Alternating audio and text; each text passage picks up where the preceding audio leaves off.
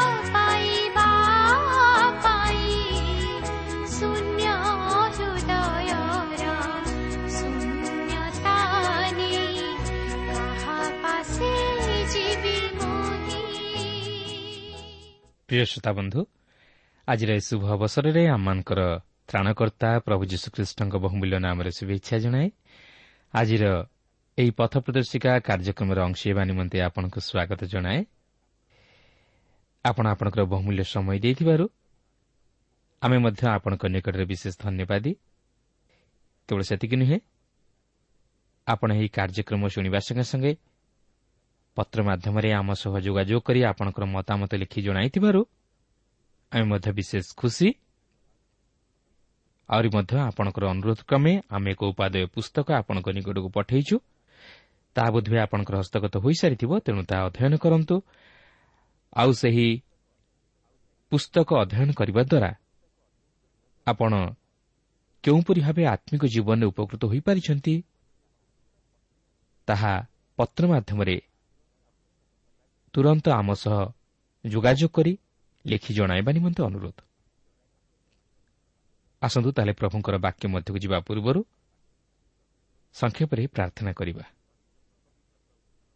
ପବିତ୍ର ପ୍ରଭୁ ତୁମର ପବିତ୍ର ନାମର ଧନ୍ୟବାଦ କରୁଅଛୁ ତୁମର ପ୍ରଶଂସା କରୁଅଛୁ ଏହି ସୁନ୍ଦର ସମୟ ପାଇଁ ସୁନ୍ଦର ସୁଯୋଗ ପାଇଁ ତୁମର ଜୀବନ୍ତ ବାକ୍ୟ ପାଇଁ। ଜଗତର ସମସ୍ତ ବ୍ୟସ୍ତତା ମଧ୍ୟରୁ ପ୍ରଭୁ ତୁମେ ଆମମାନଙ୍କୁ କଢ଼ାଇ ଆଣିଛ କିଛି ସମୟ ଧରି ତୁମର ବାକ୍ୟ ଅଧ୍ୟୟନ ତଥା ଶ୍ରବଣ କରିବା ପାଇଁ। କିନ୍ତୁ ପ୍ରଭୁ ଆମମାନେ ଦୁର୍ବଳ ମନୁଷ୍ୟ। ଆମମାନଙ୍କର ଚଞ୍ଚଳ ମତିକୁ ତୁମେ ସୁସ୍ଥିର କର। ଆମମାନଙ୍କର ଅବିଶ୍ୱାସକୁ ତୁମେ ଦୂର କରି ଏକ ସରଳ ବିଶ୍ୱାସର ହୃଦୟ ଦାନ କର। ଆଉ ଯେତିକି ସମୟ ଧରି ତୁମର ବାକ୍ୟ ଶୁଣିବୁ ତୁମେ ଆମମାନଙ୍କୁ ଧୀର ସ୍ଥିର ଚିତ୍ତ ଦାନ କରିବା ସଙ୍ଗେ ସଙ୍ଗେ। ସେହି ବାକ୍ୟକୁ ସରଳ ବିଶ୍ୱାସରେ ଗ୍ରହଣ କରି ତଦନୁଯାୟୀ ତୁମଠାରେ ବିଶ୍ୱାସ କରି ଜୀବନଯାପନ କରିବା ନିମନ୍ତେ ତୁମେ ଆମମାନଙ୍କୁ ସାହାଯ୍ୟ କର। ଆଜିର ବାକ୍ୟ ମଧ୍ୟ ଦେଇ ପ୍ରଭୁ ତୁମେ ପ୍ରତ୍ୟେକଙ୍କ ହୃଦୟରେ କଥା କୁହ। ପ୍ରତ୍ୟେକ ଶ୍ରୋତାବନ୍ଧୁମାନଙ୍କର ତୁମେ ସଙ୍ଗେ ସଙ୍ଗେ ଥାଇ କଥା କୁହ। ପ୍ରତ୍ୟେକଙ୍କର ଅଭାବ ତୁମେ ମୋଚନ କର ସମସ୍ୟା ଦୂର କର ଏବଂ ପ୍ରତ୍ୟେକଙ୍କର ମାଗୁଣି ପ୍ରଭୁ ତୁମେ ତୁମର ଇଚ୍ଛା ମୋତେ ପୂର୍ଣ୍ଣ କରି ତୁମେ ଗୌରବ ମହିମା ପୂଜା ପ୍ରଶଂସା ପାଅ। ଆଜିର ଏହି କାର୍ଯ୍ୟକ୍ରମ ମଧ୍ୟ ଦେଇ ପ୍ରତ୍ୟେକ ଶ୍ରୋତାବନ୍ଧୁମାନଙ୍କୁ ତୁମେ ଆଶୀର୍ବାଦ କର। ପ୍ରତ୍ୟେକଙ୍କୁ ତୁମର ପବିତ୍ର ଉପସ୍ଥିତି ଉପଲବ୍ଧି କରିବା ପାଇଁ ଦିଅ।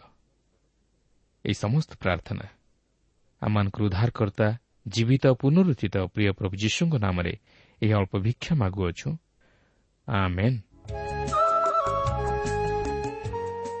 ଆସନ୍ତୁ ତାହେଲେ ବର୍ତ୍ତମାନ ଆମେ ପ୍ରଭୁଙ୍କର ବାକ୍ୟ ମଧ୍ୟକୁ ଯିବା। ଆଜି ଆମେ ଯୌନ ଲିଖିତ ସୁଷମାଚାରର ନଅ ପର୍ବର ଆଠ ପଦରୁ ଆରମ୍ଭ କରି ଏକଚାଳିଶ ପଦ ପର୍ଯ୍ୟନ୍ତ ଅଧ୍ୟୟନ କରିବା ନିମନ୍ତେ ଯିବା। କିନ୍ତୁ ଏହା ଅଧ୍ୟୟନ କରିବା ପୂର୍ବରୁ ମୁଁ ଆପଣଙ୍କୁ ସ୍ମରଣ କରାଇଦିଏ ଯେ ଗତ ପାଠରେ ଆମେ ଦେଖିଥିଲୁ ଯୀଶୁ ସେହି ଜନ୍ମାନ୍ଧକୁ ସୁସ୍ଥ କରି ସେ ଯେ ସେହି ଜଗତର ଜ୍ୟୋତି ତାହା ପ୍ରମାଣିତ କରିଥିଲେ। କିନ୍ତୁ ଆଜି ଆମେ ଦେଖିବା ଯେ ଯୀଶୁ ସେହି ଅନ୍ଧ ଲୋକଟିକୁ ସୁସ୍ଥ କରିବା ଦ୍ୱାରା ଜିହୁଦୀମାନଙ୍କ ମଧ୍ୟରେ କି ପ୍ରକାର ପ୍ରତିକ୍ରିୟା ସୃଷ୍ଟି ହୋଇଛି। ଆସନ୍ତୁ ଏହି ନଅ ପର୍ବର ଆଠ ପଦରୁ ଏକଚାଳିଶ ପଦରେ ଆମେ ସେହି ବିଷୟ ନେଇ ଅଧ୍ୟୟନ କରିବାକୁ ଯିବା। ତେବେ ଆମେ ପ୍ରତ୍ୟେକଟି ପଦକୁ ଅଧ୍ୟୟନ କରିବାକୁ ଯିବା ନାହିଁ ମାତ୍ର ଏହାର କେତୋଟି ମୁଖ୍ୟ ଅଂଶ ଉପରେ ଆମେ ଟିକେ ଦୃଷ୍ଟି ଦେବା। କାରଣ ଏହି ଅଂଶଟି ଏକ ପ୍ରକାର ପୁନରାବୃତ୍ତି ପରି ମନେ ହୁଏ। ଯେହେତୁ ସେମାନେ ସେହି ଅନ୍ଧକୁ ତାହାର ସୁସ୍ଥତା ନିମନ୍ତେ ବାରମ୍ବାର ପ୍ରଶ୍ନ କରୁଅଛନ୍ତି ଯେ ସେ କିପରି ସୁସ୍ଥ ହେଲା। ଓ ସେହି ଅନ୍ଧ ମଧ୍ୟ ସେମାନଙ୍କୁ ବାରମ୍ବାର ତହିଁର ଉତ୍ତର ଦେଉଅଛି। କିନ୍ତୁ ଏହି ଉତ୍ତର ଦେବାରେ ଆମେ କେତେକ ଭିନ୍ନତା ସେହି ସୁସ୍ଥ ହୋଇଥିବା ଅନ୍ଧ ଲୋକଟିର ସ୍ୱୀକାରୋକ୍ତିରେ ଦେଖୁଅଛୁ ତେବେ ଜିହୁଦୀମାନେ ଏହି ଘଟଣାକୁ ନେଇ ସେହି ଜନ୍ମାନ୍ଧକୁ ବାରମ୍ବାର ପ୍ରଶ୍ନ କରିବାର କାରଣ ହେଉଛି ଯେ ଯୀଶୁ ଯେଉଁଦିନ ଏହି ଜନ୍ମାନ୍ଧକୁ ଦୃଷ୍ଟିଶକ୍ତି ଦେଲେ ସେଦିନ ବିଶ୍ରାମବାର ଥିଲା ଓ ଦ୍ୱିତୀୟରେ ଯଦି ସେ ଯୀଶୁଙ୍କୁ ଖ୍ରୀଷ୍ଟ ବୋଲି ସ୍ୱୀକାର କରେ ତାହେଲେ ତାହାକୁ ଯେପରି ସେମାନେ ସମାଜଚ୍ୟୁତ କରିପାରନ୍ତି ଏହି କାରଣରୁ ସେମାନେ ତାହାକୁ ତାହାର ସୁସ୍ଥତା ପାଇବା ନେଇ ବାରମ୍ବାର ପ୍ରଶ୍ନ କରୁଥିଲେ। କିନ୍ତୁ ଏହାର ଅର୍ଥ ନୁହେଁ ଯେ ତାହାକୁ କିଏ ସୁସ୍ଥ କଲା ତାହା ସେମାନେ ଜାଣିନଥିଲେ। ମାତ୍ର ସେମାନେ ପ୍ରଭୁ ଯୀଶୁଙ୍କୁ ଦୋଷାରୋପ କରିବା ପାଇଁ ଓ ପ୍ରକାଶ୍ୟରେ ତାହାଙ୍କର ନିନ୍ଦା କରିବା ପାଇଁ ଚାହୁଁଥିଲେ ଓ ଏହି ସୁସ୍ଥ ହୋଇଥିବା ଲୋକଟିକୁ ତାହାର ସ୍ୱୀକାରୋକ୍ତିକୁ ନେଇ ସମାଜଚ୍ୟୁତ କରିବା ପାଇଁ ଚାହିଁଥିଲେ। ତେବେ ଆଠ ପଦରୁ ବାର ପଦ ମଧ୍ୟରେ ଆମେ ଦେଖିବାକୁ ପାରୁଛୁ ଯେ ତାହାର ପ୍ରତିବାସୀମାନେ ଓ ଯେଉଁମାନେ ତାହାକୁ ପୂର୍ବେ ଜଣେ ଭିକାରୀ ବୋଲି ଦେଖିଥିଲେ ସେମାନେ ତାହାର ସୁସ୍ଥତା ଦେଖି ତାହାକୁ ଯେତେବେଳେ ପ୍ରଶ୍ନ କରୁଛନ୍ତି ଯେ କିଏ ତାହାର ଆଖି ଫିଟାଇ ଦେଲା ବୋଲି ସେତେବେଳେ ସେ କହୁଛି ଯାହାଙ୍କୁ ଯୀଶୁ ବୋଲି କହନ୍ତି ସେହି ବ୍ୟକ୍ତି ମୋର ଆଖି ଫିଟାଇ ଦେଲେ। ଦ୍ୱିତୀୟରେ ତେର ପଦରୁ ସତର ପଦ ମଧ୍ୟରେ ଆମେ ଦେଖିବାକୁ ପାରୁଛୁ ଯେ ଯେତେବେଳେ ଫାରୁସୀମାନେ ତାହାକୁ ପଚାରୁଛନ୍ତି କିଏ ତୋର ଆଖି ଫିଟାଇଲା ବୋଲି? ସେତେବେଳେ ସେ ଫାରୁସୀମାନଙ୍କ ସମ୍ମୁଖରେ ଯୀଶୁଙ୍କୁ ଜଣେ ଭାଓବାଦୀ ବୋଲି ସ୍ୱୀକାର କରି କହୁଛି ସେହି ଭାବବାଦୀ ମୋର ଆଖି ଫିଟାଇ ଦେଲେ କିନ୍ତୁ ଆପଣ ଦେଖିବେ ଅଠରରୁ ତେଇଶ ପଦ ମଧ୍ୟରେ ଲେଖା ଅଛି ଯେତେବେଳେ ସେହି ଫାରୁସୀମାନେ ସେହି ସୁସ୍ଥ ହୋଇଥିବା ଅନ୍ଧଲୋକଟିର ପିତାମାତାଙ୍କଠାରୁ ତାହାର ସୁସ୍ଥତା ବିଷୟ ନେଇ ପଚାରୁଅଛନ୍ତି ସେତେବେଳେ ତାହାର ପିତାମାତା ଜିହୁଦୀମାନଙ୍କୁ ଭୟ କରୁଥିବାରୁ ଓ ସମାଜଚ୍ୟୁତ ହେବାର ଭୟ ହେତୁ ସେ କିପରି ସୁସ୍ଥ ହେଲା ସେ ବିଷୟରେ ସାକ୍ଷ୍ୟ ଦିଅନ୍ତି ନାହିଁ କି ଯୀଶୁଙ୍କୁ ଖ୍ରୀଷ୍ଟ ବୋଲି ସ୍ୱୀକାର କରନ୍ତି ନାହିଁ। ବଡ଼ ଦୁଃଖର ବିଷୟ। ତାହାର ପିତାମାତା ଖୁସି ହେବା ପରିବର୍ତ୍ତେ ଓ ଯୀଶୁଙ୍କୁ ଖ୍ରୀଷ୍ଟ ବୋଲି ସ୍ୱୀକାର କରିବା ପରିବର୍ତ୍ତେ ସମାଜକୁ ଓ ଜିହୁଦୀମାନଙ୍କୁ ଭୟ କରି ଯୀଶୁଙ୍କୁ ପରୋକ୍ଷରେ ଅସ୍ୱୀକାର କରୁଅଛନ୍ତି। କ'ଣ ଆଜି ସେହିପରି ଘଟୁନାହିଁ କି? ମଣିଷ ଆଜି ସମାଜକୁ ତଥା ଲୋକମାନଙ୍କୁ ଭୟ କରି ଯୀଶୁଖ୍ରୀଷ୍ଟଙ୍କୁ ଉଦ୍ଧାରକର୍ତ୍ତାରେ ବି ସ୍ୱୀକାର କରିବାକୁ ବା ପ୍ରଭୁ ବୋଲି ସ୍ୱୀକାର କରିବାକୁ ପ୍ରସ୍ତୁତ ନୁହନ୍ତି। ତେବେ ଲକ୍ଷ୍ୟ କରନ୍ତୁ ଏହିସବୁ ସତ୍ତ୍ୱେ ଯେତେବେଳେ ସେମାନେ ପୁନର୍ବାର ସେହି ଅନ୍ଧଲୋକଟିକୁ ଡାକି ଯୀଶୁଙ୍କୁ ପାପି ବୋଲି ସ୍ୱୀକାର କରିବା ନିମନ୍ତେ ତାହାକୁ କହୁଛନ୍ତି ସେତେବେଳେ ସେ ଏହିପରି ଉତ୍ତର ଦେଉଛି ଯାହାକି ପଚିଶ ପଦରେ ଲେଖା ଅଛି। ସେଥିରେ ସେ ଉତ୍ତର ଦେଲା ସେ ପାପି କି ନୁହେଁ ମୁଁ ତାହା ଜାଣେ ନାହିଁ ମୁଁ ଗୋଟିଏ ବିଷୟ ଜାଣେ ମୁଁ ଅନ୍ଧ ଥିଲି ଏବେ ଦେଖିପାରୁଅଛି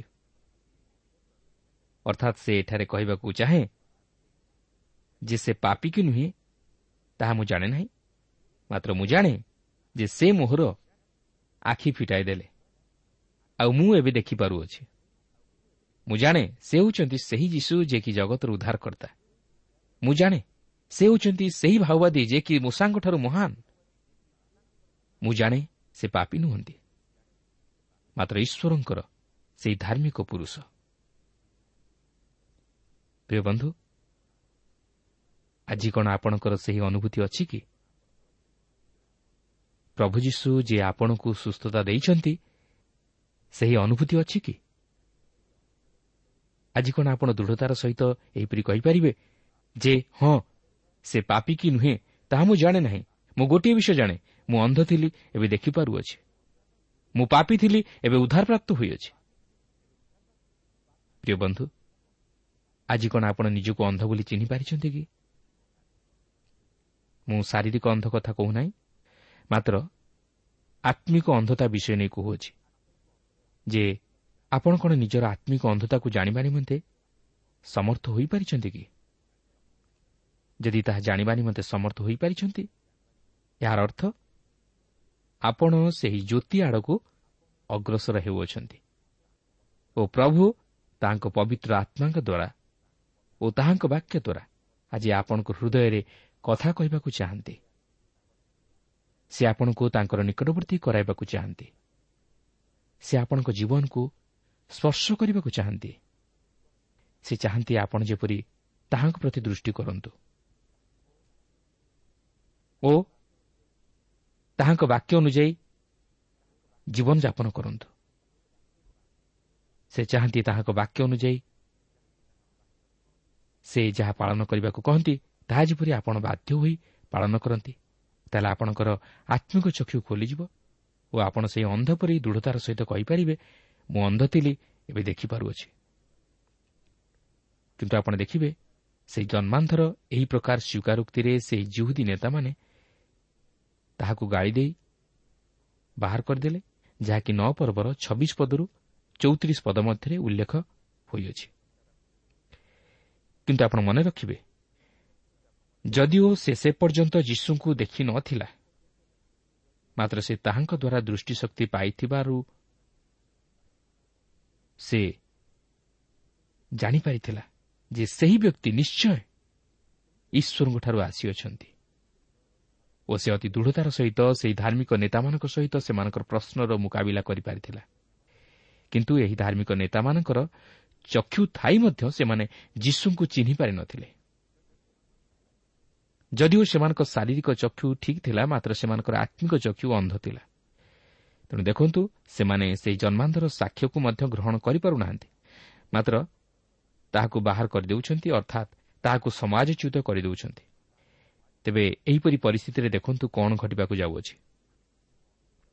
ଏହିପରି ପରିସ୍ଥିତିରେ ସେହି ଜନ୍ମାନ୍ଧର ଯୀଶୁଙ୍କ ସହିତ ସାକ୍ଷାତ ହେଉଛି ଓ ଯୀଶୁ ତାହାକୁ ଏହିପରି କହନ୍ତି ଯାହାକି ପଞ୍ଚତିରିଶ ପଦରୁ ଅଣଚାଳିଶ ପଦରେ ଲେଖା ଅଛି। ସେମାନେ ଯେ ତାହାକୁ ବାହାର କରିଦେଇଅଛନ୍ତି ଯୀଶୁ ଏହା ଶୁଣି ତାହାର ଦେଖା ପାଇ କହିଲେ ତୁମେ କ'ଣ ମନୁଷ୍ୟ ପୁତ୍ରଙ୍କଠାରେ ବିଶ୍ୱାସ କରୁଅଛ? ସେ ଉତ୍ତର ଦେଲା ହେ ପ୍ରଭୁ ସେ କିଏ? କହନ୍ତୁ।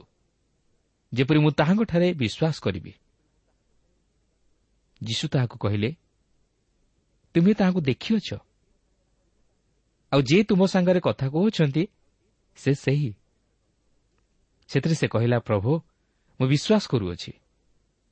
ଆଉ ସେ ତାହାଙ୍କୁ ପ୍ରଣାମ କଲା। ପୁଣି ଯୀଶୁ କହିଲେ ଦେଖୁନଥିବା ଲୋକେ ଯେପରି ଦେଖନ୍ତି ଓ ଦେଖୁଥିବା ଲୋକେ ଯେପରି ଅନ୍ଧ ହୁଅନ୍ତି ଏହି ବିଚାର ନିମନ୍ତେ ମୁଁ ଜଗତକୁ ଆସିଅଛି। ଲକ୍ଷ୍ୟ କରିବେ। ଯଦିଓ ସେହି ଧାର୍ମିକ ନେତାମାନେ ତାହାଙ୍କୁ ସମାଜଚ୍ୟୁତ କରିଦେଲେ ତଥାପି ଯୀଶୁ ତାଙ୍କୁ ଛାଡ଼ି ନଥିଲେ। ସେ ତାହାର କେବଳ ଆଖି ଫିଟାଇ ତାହାକୁ ଛାଡ଼ିଦେଲେ ନାହିଁ। ମାତ୍ର ସେ ତାହାକୁ ଧୀରେ ଧୀରେ ତାହାଙ୍କର ନିକଟବର୍ତ୍ତୀ କରାଇଥିଲେ। ଯେପରି ସେ ସମ୍ପୂର୍ଣ୍ଣ ଯୀଶୁଙ୍କୁ ଦେଖି ଓ ତାହାଙ୍କଠାରେ ବିଶ୍ୱାସ କରି ତାହାଙ୍କୁ ନିଜ ହୃଦୟରେ ଉଦ୍ଧାରକର୍ତ୍ତା ରୂପେ ଗ୍ରହଣ କରି ତାହାଙ୍କ ସହିତ ସହଭାଗିତା ସ୍ଥାପନ କରିବାକୁ ପାରେ ଓ ତାହାଙ୍କର ପୂଜା ଆରାଧନା କରିବାକୁ ପାରେ। ତେଣୁ ଯୀଶୁ ତାହାକୁ ଏପରି ପ୍ରଶ୍ନ କରନ୍ତି ତୁମେ କ'ଣ ମନୁଷ୍ୟ ପୁତ୍ରଙ୍କଠାରେ ବିଶ୍ୱାସ କରୁଅଛ? ତେବେ ଯୀଶୁ ତାହାକୁ କାହିଁକି ଏପରି ପ୍ରଶ୍ନ କରିଥିଲେ? ଏହାର ଉତ୍ତର ହେଉଛି ସେ ତାହାକୁ ତାହାଙ୍କର ପରିଚୟ ଦେବାକୁ ଚାହିଁଥିଲେ ଓ ତାହାର ବିଶ୍ୱାସକୁ ଦୃଢ଼ କରିବାକୁ ଚାହିଁଥିଲେ। ଓ ସେ ଯେପରି ବାସ୍ତବରେ ତାହାଙ୍କୁ ଜାଣିବା ନିମନ୍ତେ ଲାଳାୟିତ ହୁଏ ଏଥିନିମନ୍ତେ ସେ ତାହାର ମନରେ ଏହିପରି ଏକ ଉଦ୍ବେଗ ଜାତ କରାଇଥିଲେ। ତେଣୁକରି ଆପଣ ଦେଖନ୍ତୁ ସେହି ଜନ୍ମାନ୍ଧଟି ତାହାଙ୍କୁ ଉତ୍ତର ଦେଉଛି ହେ ପ୍ରଭୁ ସେ କିଏ କହନ୍ତୁ ଯେପରି ମୁଁ ତାହାଙ୍କଠାରେ ବିଶ୍ୱାସ କରିବି? ତେବେ ସେଠାରେ ଏହି ଯେଉଁ ହେ ପ୍ରଭୁ କହି ସମ୍ବୋଧନ କରେ ଏଥିରୁ ତାହାର ମନର ଭାବ ଜଣାଯାଏ ଯେ ସେ ତାହାଙ୍କୁ ଜାଣିବା ନିମନ୍ତେ କେତେ ଦୂର ଆଗ୍ରହୀ ଥିଲା ଓ ବୋଧହୁଏ ସେ ତାହାଙ୍କୁ ପ୍ରଭୁ ବୋଲି ଜାଣି ତାହାଙ୍କୁ ସ୍ୱୀକାର କରିଥିଲା। ତା ନ ହୋଇଥିଲେ ସେ ତାହାଙ୍କୁ ହେ ପ୍ରଭୁ ବୋଲି କହି ସମ୍ବୋଧନ କରିନଥାନ୍ତା କିନ୍ତୁ ସେ ଯେପରି ତାହାଙ୍କଠାରେ ବିଶ୍ୱାସ ସ୍ଥାପନ କରିବାକୁ ପାରେ ଏଥିନିମନ୍ତେ ସେ ତାହାକୁ କହନ୍ତି ତୁମେ ତାହାକୁ ଦେଖିଅଛ? ଆଉ ଯେ ତୁମ ସାଙ୍ଗରେ କଥା କହୁଅଛନ୍ତି ସେ ସେହି। ଏଠାରେ ସେ ତାହାକୁ ସମ୍ପୂର୍ଣ୍ଣ ଭାବରେ ତାହାଙ୍କର ପରିଚୟ ଦିଅନ୍ତି। କାରଣ ସେ ବର୍ତ୍ତମାନ ତାହାଙ୍କଠାରେ ବିଶ୍ୱାସ କରିବାକୁ ପ୍ରସ୍ତୁତ। ଦେଖନ୍ତୁ ସେ କ'ଣ କହୁଛି। ସେଥିରେ ସେ କହିଲା ପ୍ରଭୁ ମୁଁ ବିଶ୍ୱାସ କରୁଅଛି। ଆଉ ସେ ତାହାଙ୍କୁ ପ୍ରଣାମ କଲା। ଏଠାରେ ମଧ୍ୟ ଆପଣ ଦେଖିବେ ସେ ପ୍ରଭୁ ବୋଲି ତାହାଙ୍କୁ ସମ୍ବୋଧନ କରୁଅଛି। ଓ ଏଇଟାରେ ତାହାର ବିଶ୍ୱାସ ସମ୍ପୂର୍ଣ୍ଣ ଦୃଢ଼ ହୋଇଅଛି। ପ୍ରିୟ ବନ୍ଧୁ ଆଜି ଆପଣ ପ୍ରଭୁ ଯୀଶୁଙ୍କୁ କ'ଣ ଏହିପରି ଉତ୍ତର ଦେଇପାରିଛନ୍ତି କି? ପ୍ରଭୁ ମୁଁ ବିଶ୍ୱାସ କରୁଅଛି। ଆଜି ଆମମାନଙ୍କର କ'ଣ ସେହିପରି ବିଶ୍ୱାସ ଅଛି କି? ସେଦିନ ଯଦିଓ ଏହି ଅନ୍ଧ ଲୋକଟି ସମସ୍ତଙ୍କ ମନରେ ଏକ ପ୍ରଶ୍ନ ବାଜିଥିଲା କିନ୍ତୁ ସେ ଯୀଶୁଙ୍କର ପରିଚୟ ପାଇ କେବଳ ଶାରୀରିକ ଅନ୍ଧତାରୁ ନୁହେଁ ତାହାର ଆତ୍ମିକ ଅନ୍ଧତାରୁ ମଧ୍ୟ ସୁସ୍ଥ ହୋଇଥିଲା। ସେ ଯେ ଯୀଶୁଙ୍କଠାରେ ବିଶ୍ୱାସ କରୁଅଛି ତାହା ସେ ନିଜ ମୁଖରେ ସ୍ୱୀକାର କରିଥିଲା ଓ ତାହାଙ୍କୁ ପ୍ରଣାମ କରିଥିଲା। ଅର୍ଥାତ୍ ସେ ନତମସ୍ତକ ହୋଇ ତାହାଙ୍କୁ ଭକ୍ତି କରି ତାହାଙ୍କର ଉପାସନା କରିଥିଲା। ସେ ଯଦିଓ ସମାଜଚ୍ୟୁତ ହୋଇଥିଲା ମାତ୍ର ସେ ପ୍ରଭୁ ଯୀଶୁଖ୍ରୀଷ୍ଟଙ୍କ ଦ୍ୱାରା ଗୃହୀତ ହୋଇଥିଲା ଓ ସେହି ସ୍ୱର୍ଗ ରାଜ୍ୟର ଅଧିକାରୀ ହୋଇଥିଲା। ଆଜି ଯଦି ଆପଣ ପ୍ରଭୁ ଯୀଶୁଙ୍କ ସପକ୍ଷରେ ଛିଡ଼ା ହୁଅନ୍ତି ତାହେଲେ ସମାଜ ଆପଣଙ୍କୁ ଭିନ୍ନ ଚକ୍ଷୁରେ ଦେଖିପାରେ ବା ନିଜର ପିତାମାତା ଆପଣଙ୍କୁ ସମାଜର ଚାପ ହେତୁ ଅଗ୍ରାହ୍ୟ କରିପାରନ୍ତି। କିନ୍ତୁ ମନେ ରଖନ୍ତୁ ପ୍ରଭୁ ଯୀଶୁ ଆପଣଙ୍କ ସହିତରେ ଅଛନ୍ତି। ଓ ସେ ଆପଣଙ୍କୁ କେବେ ହେଲେ ନିରାଶ କରିବେ ନାହିଁ କି ଆପଣଙ୍କୁ ପରିତ୍ୟାଗ କରିବେ ନାହିଁ ବରଂ ସେ ଆପଣଙ୍କୁ ସେହି ଅନନ୍ତ ଜୀବନରେ ପ୍ରବେଶ କରାଇବେ। ହୋଇପାରେ ସେଦିନ ସେହି ଜନ୍ମାନ୍ଧଟି ଅନେକ ସମସ୍ୟା ତଥା ଅସୁବିଧାର ସମ୍ମୁଖୀନ ହୋଇଥିଲା। ମାତ୍ର ସେସବୁରୁ ପ୍ରଭୁ ଯୀଶୁ ତାହାକୁ ଉଦ୍ଧାର କରିଥିଲେ। ତାହାର ଜୀବନ ଦ୍ୱାରା ଈଶ୍ୱର ମହିମାନିତ ହୋଇଥିଲେ। ପ୍ରିୟ ବନ୍ଧୁ ଆଜି ଆପଣ କାହାଠାରେ ବିଶ୍ୱାସ କରନ୍ତି ଓ କାହାର ପକ୍ଷରେ ଛିଡ଼ା ହୁଅନ୍ତି? ଯଦି ଏହା ଖ୍ରୀଷ୍ଟଙ୍କ ଭିନ୍ନ ଅନ୍ୟ କୌଣସି ବିଷୟ ହୋଇଥାଏ ତାହେଲେ ଜାଣି ରଖନ୍ତୁ ଆପଣଙ୍କର ଆତ୍ମିକ ଚକ୍ଷୁ ଏପର୍ଯ୍ୟନ୍ତ ଖୋଲି ନାହିଁ କି ଆପଣ ନିଜର ଅନ୍ଧତା ବିଷୟରେ ଅବଗତ ହୋଇପାରି ନାହାନ୍ତି ସେଥିପାଇଁ ଅଣଚାଳିଶ ପଦରେ ଯୀଶୁ କହନ୍ତି ଦେଖୁନଥିବା ଲୋକେ ଯେପରି ଦେଖନ୍ତି ଓ ଦେଖୁଥିବା ଲୋକେ ଯେପରି ଅନ୍ଧ ହୁଅନ୍ତି ଏହି ବିଚାର ନିମନ୍ତେ ମୁଁ ଜଗତକୁ ଆସିଅଛି। ଏଠାରେ ପ୍ରଭୁ ଯୀଶୁ କହିବାକୁ ଚାହାନ୍ତି ଯେ ପ୍ରକୃତରେ ଯେଉଁମାନେ ଭାବନ୍ତି ଯେ ସେମାନେ ଆତ୍ମିକ ଜୀବନରେ ଅନ୍ଧ ନୁହନ୍ତି ସେମାନେ କେବେ ହେଲେ ସେହି ଜ୍ୟୋତିରେ ଆଚରଣ କରିପାରିବେ ନାହିଁ କି ସେହି ଜ୍ୟୋତିର ପରିଚୟ ପାଇବେ ନାହିଁ। ଯେହେତୁ ସେମାନଙ୍କର ଅନ୍ଧତା ହିଁ ସେମାନଙ୍କର ଆତ୍ମିକ ଚକ୍ଷୁକୁ ଅନ୍ଧ କରିଦେଇଥାଏ। ମାତ୍ର ଯେଉଁମାନେ ନିଜକୁ ଅନ୍ଧ ବୋଲି ଚିହ୍ନିପାରନ୍ତି ସେମାନେ ସେହି ଜ୍ୟୋତିର ପରିଚୟ ପାଆନ୍ତି। ଏହାର ଅର୍ଥ ସେମାନେ ସେହି ଜ୍ୟୋତି ନିକଟକୁ ଆସି ସେହି ଜ୍ୟୋତିକୁ ଗ୍ରହଣ କରିବାରୁ ସେମାନେ ସେମାନଙ୍କର ଆତ୍ମିକ ଜୀବନର ଅନ୍ଧତାକୁ ଦେଖିବାକୁ ପାରନ୍ତି।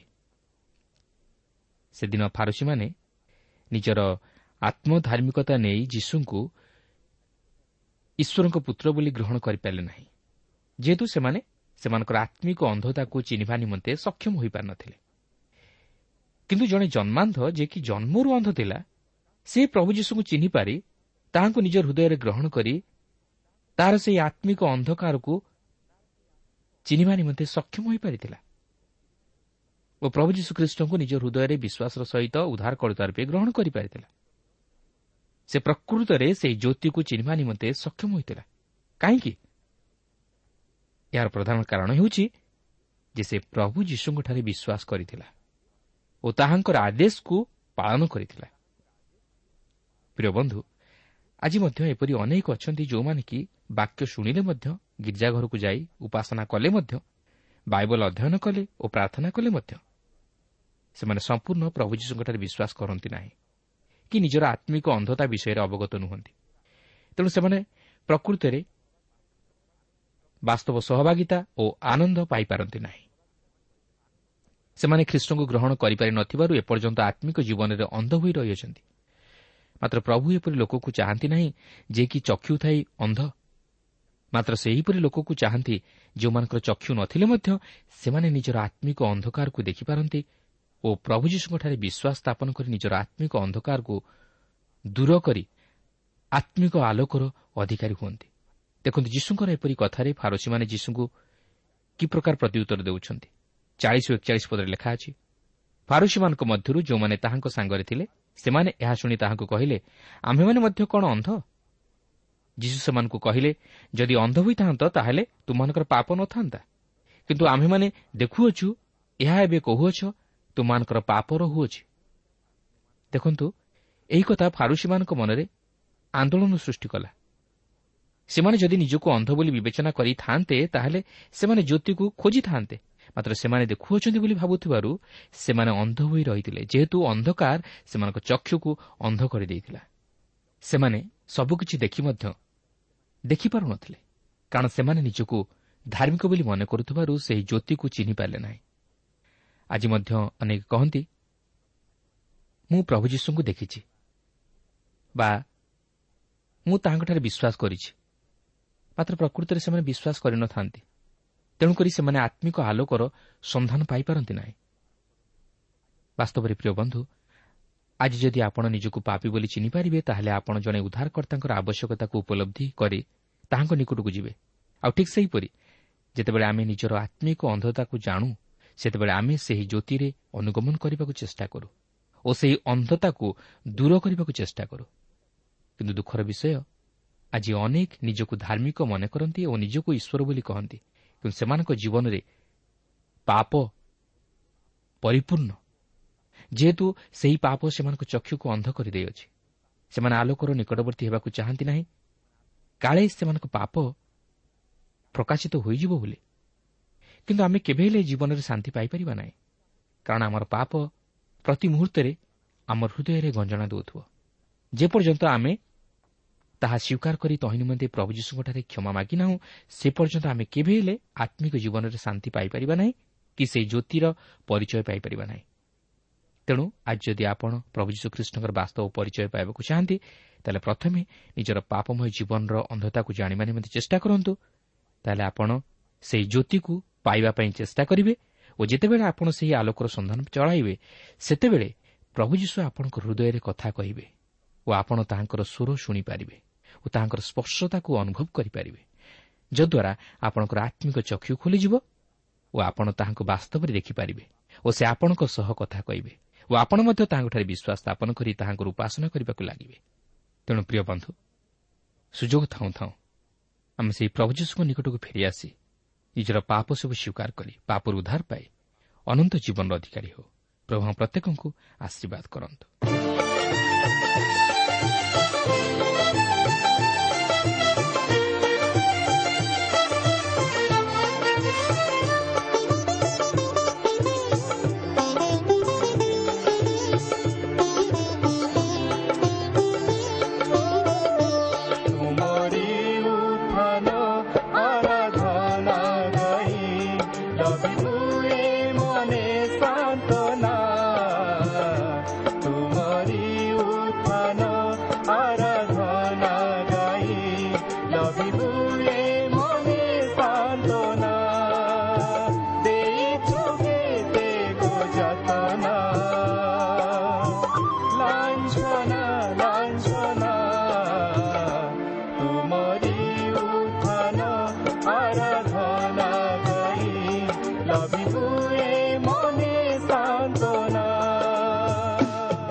প্রিয় শ্রোতা এই কার্যক্রম শুনিবু আপনার অশেষ ধন্যবাদ এই কার্যক্রম আপনার কিপর লাগিলা ও কেউ বিষয়টি আপনার হৃদয়কু অধিক স্পর্শ করেছি তাহা লেখি জনাইলে আমি বিশেষ উপকৃত হেবু যদি কিছু প্রশ্ন বা সন্দেহ থাকে তাহা পত্র মাধ্যমে অথবা টেলিফোন যোগে আমি জনাতু আমার ঠিকনা পথ প্রদর্শিকা Trans World Radio India post box number তিন তিন ভুবনেশ্বর ସାତ ପାଞ୍ଚ ଏକ ଶୂନ ଶୂନ ଏକ mobile number nine seven double seven double two one four one five ଠିକଣାଟି ଆଉଥରେ ଶୁଣନ୍ତୁ ପଥ ପ୍ରଦର୍ଶିକା Trans World Radio India post box number three three Bhubaneswar seven five one zero zero one mobile number nine seven double seven double two one four one five ଆମର email ଆଡ୍ରେସଟି ଲେଖି ରଖନ୍ତୁ Odia TTV at radio eight eight two